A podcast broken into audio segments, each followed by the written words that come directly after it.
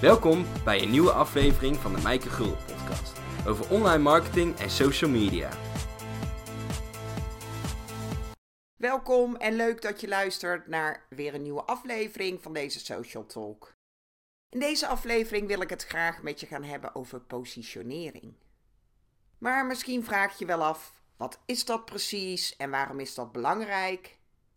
En is het nog wel te doen om een uh, sterke, onderscheidende positionering te kiezen in een markt die tegenwoordig overvol is? Dus hoe zit dat als je net begint? Positionering is niks anders dan de plek die jij inneemt in de hoofden van mensen en hoe jij je onderscheidt van de concurrenten. Dus wat zeggen anderen van jou als jij er niet bij bent? Waar denken mensen aan als ze aan jou denken? wat zeggen ze over je als jij niet in de kamer bent? Mensen zijn misschien helemaal nog niet klaar om te kopen als ze jou online tegenkomen. Maar je wil wel dat ze aan je denken als ze wel klaar zijn om jouw product of dienst te, kopen. Je wil dus echt onderscheidend en relevant zijn. Positionering is dus belangrijk, want je wil een plekje veroveren in de harten en de hoofden van je ideale klanten. Dus waar wil jij om herinnerd worden? Wat wil je dat anderen over jou zeggen als jij niet in de kamer bent? Je wil dat mensen meteen aan jou denken als ze jouw dienst of product nodig hebben.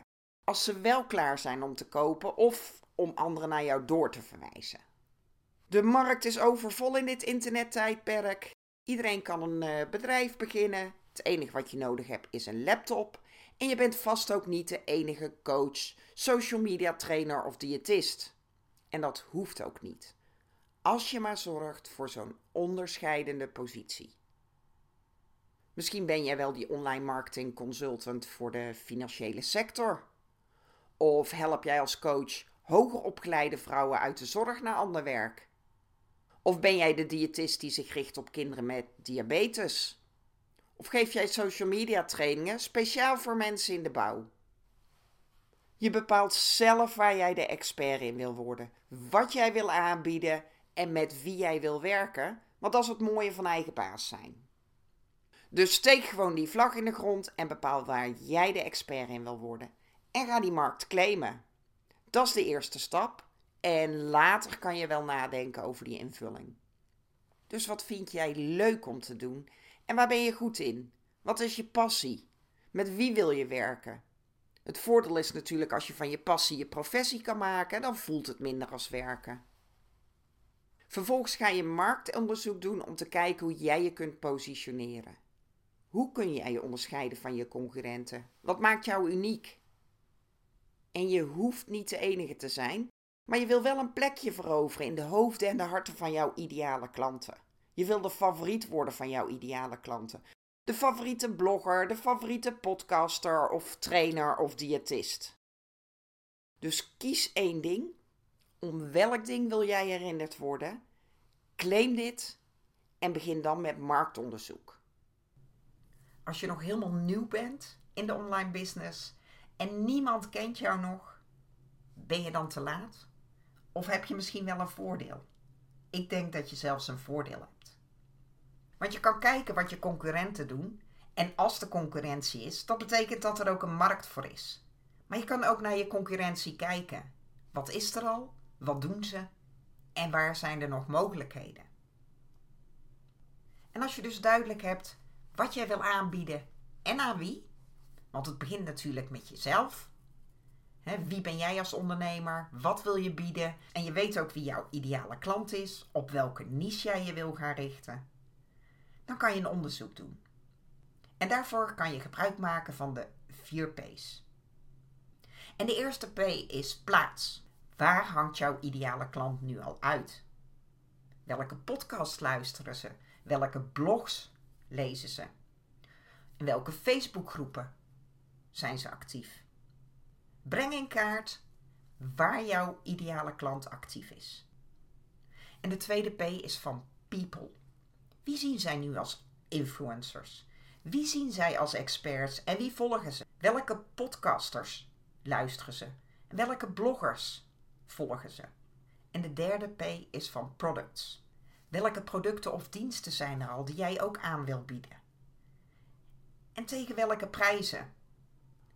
En als je dat in kaart gebracht hebt, dan heb je de vierde P, position. Hoe kun jij je dan positioneren in die markt voor die ideale klant?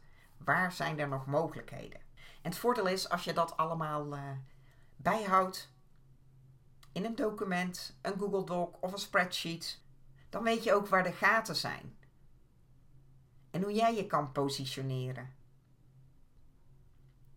En als je dat dan allemaal in kaart brengt in een Google Doc, een Word document of een Excel, um, wat jij zelf prettig vindt, dan weet je ook, als je dan je business gaat uh, uitbouwen en je wil gaan groeien, dan heb je ook duidelijk bij places, hè, waar jij eigenlijk ook genoemd wil worden. Want als ze luisteren naar een bepaalde podcast, dan wil jij misschien wel uh, geïnterviewd worden op die podcast. Of als zij een bepaald YouTube-kanaal volgen, dan wil jij misschien ook wel als gast uh, geïnterviewd worden door die YouTuber. Je weet ook wie de experts zijn of de mensen die gezien worden als uh, autoriteit. En met hen wil je natuurlijk graag relaties opbouwen. En naar die producten kun je onderzoek doen. Van wat is er nog niet? Waar hebben die mensen behoefte aan? En tegen welke prijzen wordt aangeboden? Of misschien kan jij het wel aanbieden in een hele andere invalshoek.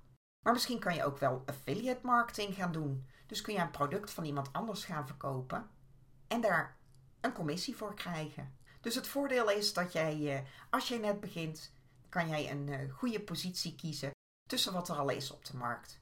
En als er gewoon al producten aangeboden worden of diensten op dat vlak, dan weet je dat er in ieder geval een markt voor is. Maar als je net begint en je hebt nog niet zoveel mensen op je mailinglijst, nog geen hele grote community of nog niet zoveel klanten, dan kan je ook veel gemakkelijker persoonlijke relaties opbouwen. Want je hebt gewoon veel meer tijd om uh, vragen te beantwoorden. Als jij op een gegeven moment uh, veel groter bent en je hebt een enorme community of een hele grote mailinglijst, dan is het onmogelijk om alles te gaan beantwoorden. Maar in het begin heb je echt gewoon tijd en de mogelijkheid om nog die persoonlijke relaties op te bouwen. En daardoor kan jij uh, snel sterke relaties opbouwen. En wie weet heb jij fans voor het leven. En als jij net begint, heb jij niks te verliezen. Iemand die al een tijdje bezig is, die moet misschien meer rekening houden met zijn reputatie. Daar hebben mensen bepaalde verwachtingen van. Maar als jij net begint, dan heb jij minder te verliezen. Dus ga er gewoon voor.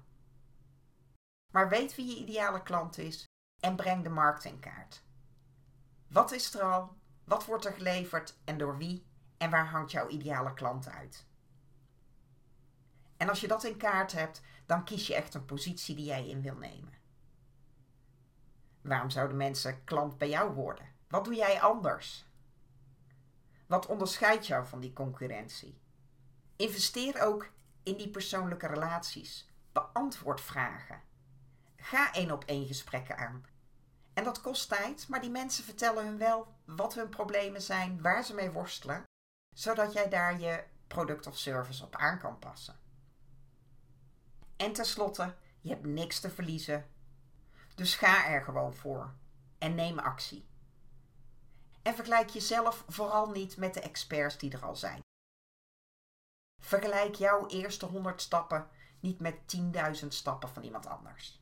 En we zijn heel erg geneigd om te kijken naar anderen en dan denk je, ja, dat had ik al moeten doen. Of iemand die heeft misschien al heel veel uh, mensen in een Facebookgroep of al heel veel abonnees op zijn YouTube-kanaal. Maar dat is misschien een ondernemer die al een hele poos bezig is. Dus als jij net begint, focus op jezelf, kijk naar anderen voor inspiratie, maar bewandel je eigen pad. En zorg gewoon dat je iedere dag actie neemt.